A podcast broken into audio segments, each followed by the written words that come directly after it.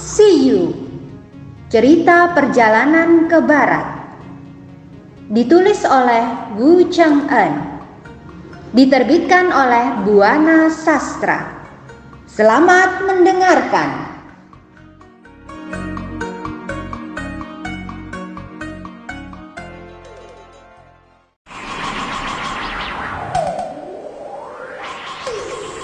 Bab 36 Sun Wukong menyamar jadi nyonya tua, Sun Wukong mengadu kesaktian dengan Raja Tanduk Perak. Setelah berhasil menukarkan jimat mereka, kedua siluman yang kegirangan itu akan pergi ke tempat Wukong di tindih gunung. Tiba-tiba mereka menoleh, maksud mereka ingin melihat ke arah si biksu. Betapa kagetnya mereka saat mereka sudah tak melihat lagi si biksu yang tadi mereka ajak tukar menukar jimat. Ke mana perginya dia?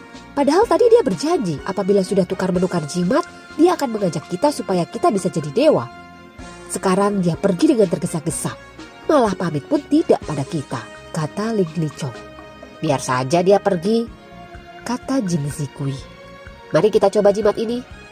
Baik, mari kita coba, kata Ling Licong. Ketika mereka membacakan mantra kemudian melontarkan jimat itu ke udara, buli-buli itu tidak menjedot langit malah jatuh berdebab di tanah. Tentu saja kedua siluman itu terkejut. Tahulah ia bahwa mereka telah tertipu oleh si biksu. Eh, kenapa begini? Kok jimat ini tak mampu menjedot langit seperti ketika dicoba oleh dewa itu? Kata Ling Licong kaget. Jing Si Gui diam saking kagetnya. Ia bengong beberapa saat lamanya.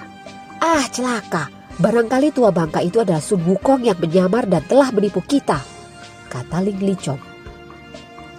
Ah sembarangan kau, kata Jing Zigui. Bukankah saat ini Sun Wukong sedang ditindih tiga gunung? Coba serahkan jimat itu, biar sekali lagi kita coba. Sesudah dibacakan mantra, buli-buli itu dilemparkan ke udara. Namun, seperti tadi, buli-buli itu jatuh, tetapi langit tak berubah gelap seperti ketika digunakan oleh si biksu. Oh, sungguh mengherankan. Kalau begini, celaka kita, kata Jing Zigui. Ya, mengherankan sekali Jelas sudah kita tertipu mentah-mentah, kata Ling Licong. Dari langit, Sun Wukong menyaksikan jelas apa yang dilakukan oleh kedua siluman yang telah diperdaya olehnya itu. Pemandangan yang ia saksikan memang sangat lucu, tetapi Sun Wukong harus bertindak cepat. Segera ia ambil jimat palsu itu lalu dikembalikan ke asalnya yaitu bulunya. Kedua siluman bertambah kaget ketika menyaksikan jimat hasil tukar menukar itu lenyap. Oh celaka, mana jimat itu? Sekarang jimat itu malah hilang sama sekali. Teriak Jing Gui. Ya, ke mana perginya jimat itu? Ling Li Chong ikut kaget. Oh, apa yang harus kita perbuat? Padahal dengan membawa dua buah jimat kita diperintahkan untuk menangkap Sun Wukong. Tapi sial, kedua jimat itu telah hilang karena kebodohan kita sehingga diambil oleh biksu tua sial itu. Bagaimana kita bisa menemui raja? Pasti kita akan dihukum berat. Jing Gui amat bingung. Ling Li Chong pun ketakutan. Bagaimana kalau kita kabur saja? Kata Ling Li Chong. Mau ke mana? Mau pergi ke mana kita? Kata Jing Zigui. Ke mana saja asal kita bisa selamat? Jawab Ling Li Chong. Jika kita tak kabur, kita bisa celaka. Sun Bukong tak akan bisa kita tangkap sedang kedua buah jimat milik raja telah lenyap. Ah, sungguh berbahaya. Jing Zigui diam sejenak. Akhirnya ia berkata lagi. Tenang, kita tak perlu kabur. Lalu kita harus berbuat apa? Aku tahu raja sangat sayang padamu. Jika kita menghadap, biar aku yang bicara. Kukatakan saja jimat itu hilang olehmu. Aku yakin raja akan mengampuni kita dan kita tidak akan dihukum berat. Kata Jing Sigui. Apa mungkin begitu? Kata Ling Li Chong masih ragu. Aku yakin, kata Jing Sigui. Melihat kedua anak buahnya sudah kembali, Raja Siluman mengawasi dengan heran sebab kedua siluman itu tidak membawa Sun Wukong yang harus mereka tangkap. Hei, kau sudah kembali, kata tanduk perak. Ya Raja, jawab mereka hampir berbarengan. Mana tawanan itu? Apa kalian sudah masukkan ke dalam buli-buli? Tanya tanduk perak. Ditanya begitu kedua siluman itu diam saja. Hei, apa kalian tuli? Mana Sun Wukong yang kalian tangkap? Tanya tanduk perak galak. Kedua siluman itu tetap membisu. Dengar, apa kalian tuli? Mana Sun Wukong yang kalian tangkap itu? Kata tanduk perak yang mulai tak sabar. Ampun Raja, kami mengaku bersalah. Apa? Apa yang terjadi? Kata tanduk perak dan tanduk emas dengan kaget. Ampun Raja, waktu kami pergi sambil membawa jimat yang Raja berikan, di tengah jalan kami bertemu seorang biksu tua yang mengaku sebagai dewa Gunung Penglai. Dia bertanya tujuan kami. Lalu kami menjawab, kami dapat perintah dari Raja untuk menangkap Sun Wukong yang ditindih gunung. Biksu itu mengatakan bahwa si kunyuk itu amat lihai. Kemudian, ia menunjukkan jimatnya yang hebat dan bisa menyedot langit. Kami pun bilang bahwa kami juga dibekali jimat. Tapi biksu itu malah mendemonstrasikan keampuhan jimatnya sehingga kami tertarik dan mengajak menukar jimat. Tapi sial, ternyata jimat itu palsu sehingga kami belum menangkap si kunyuk itu. Lalu kami kembali untuk menemui raja untuk melapor. Kata Jing Sigui. Mendengar laporan itu, tanduk perak dan tanduk emas marah sekali. Celaka, kata tanduk emas. Aku yakin dewa itu pasti Sun Bukong yang entah bagaimana bisa membebaskan diri lalu menyamar dan menipu anak buah kita. Hah, aku yakin ada dewa yang menolong dia. Harap kau tenang, kata tanduk perak.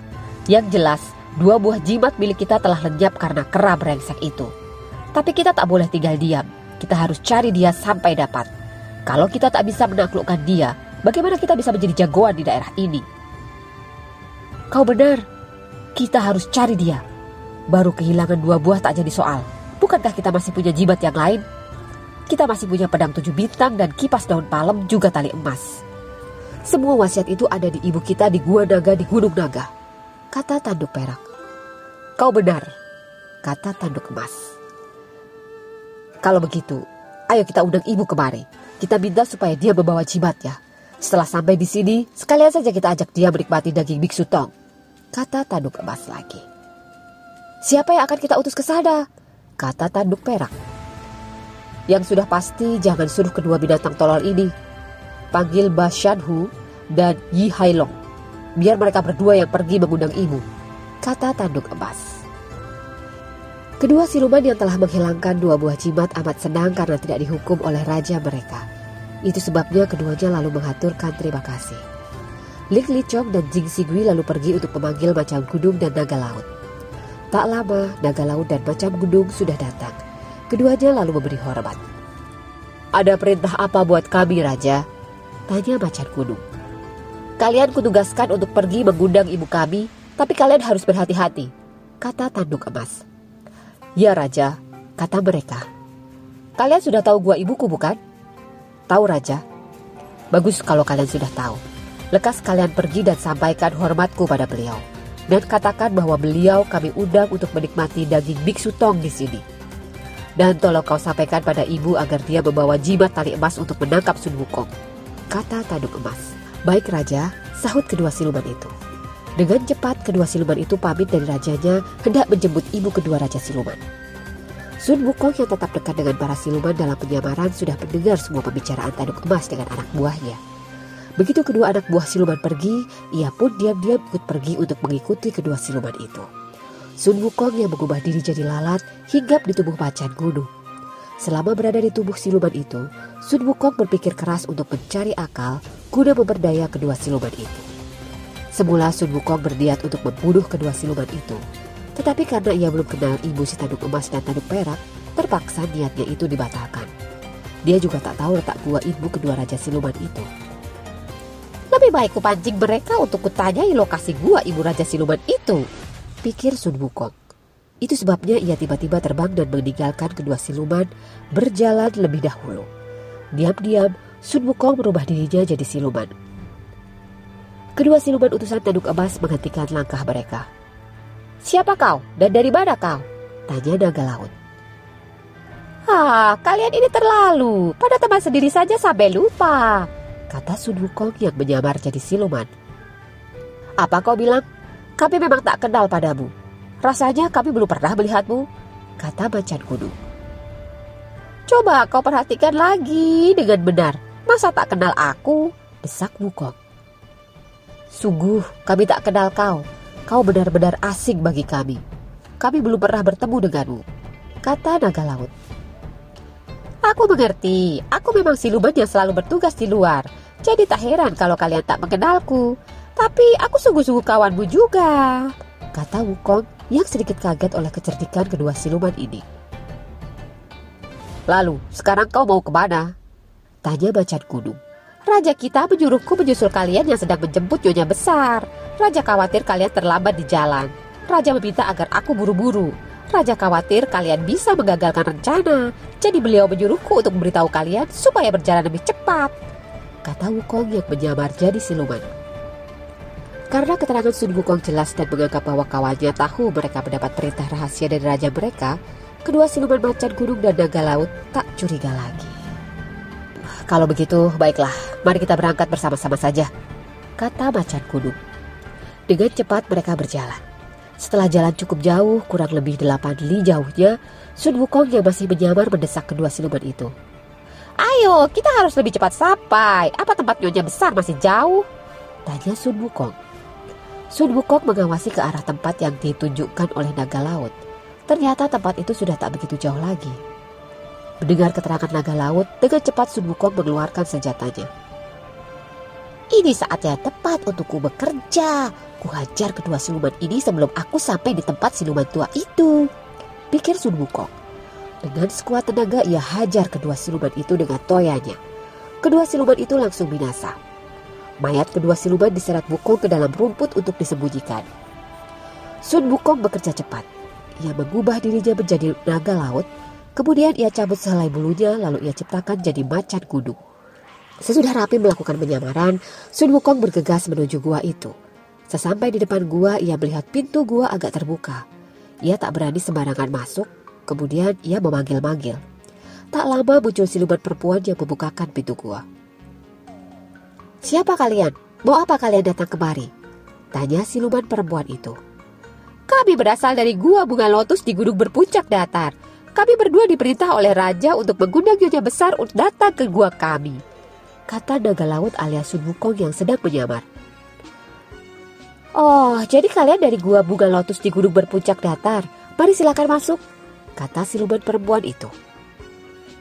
Tanpa ragu-ragu, naga laut dan macan gunung palsu masuk.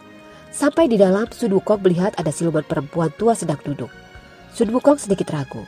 Ia sebenarnya enggan memberi hormat pada siluman wanita tua itu. Selama ini Sun Wukong hanya memberi hormat dan takut pada Buddha Rulai dan gurunya dan Dewi Guanjin. Mana mau ia memberi hormat pada siluman tua ini? Namun, karena ia sedang menyamar jadi anak buah siluman, jadi dengan terpaksa ia harus bersikap jadi anak buah siluman. Dengan amat terpaksa, Sun Wukong segera berlutut di depan perempuan itu. Bangun kau, dari mana kalian? Kata si nyonya tua yang ternyata sopan dan baik. Kami dari gunung berpuncak datar. Kedatangan kami kemari atas perintah raja kami untuk mengundang nyonya besar. Baru-baru ini kami berhasil menangkap Biksu Tong. Jadi kami mengharap kedatangan nyonya besar untuk bersama-sama menikmati daging Biksu Tong di sana.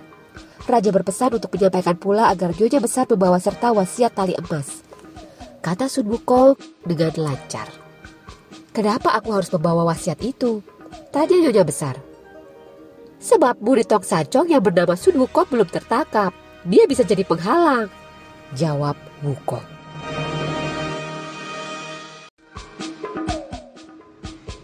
Dengarkan kisah selanjutnya. Terima kasih.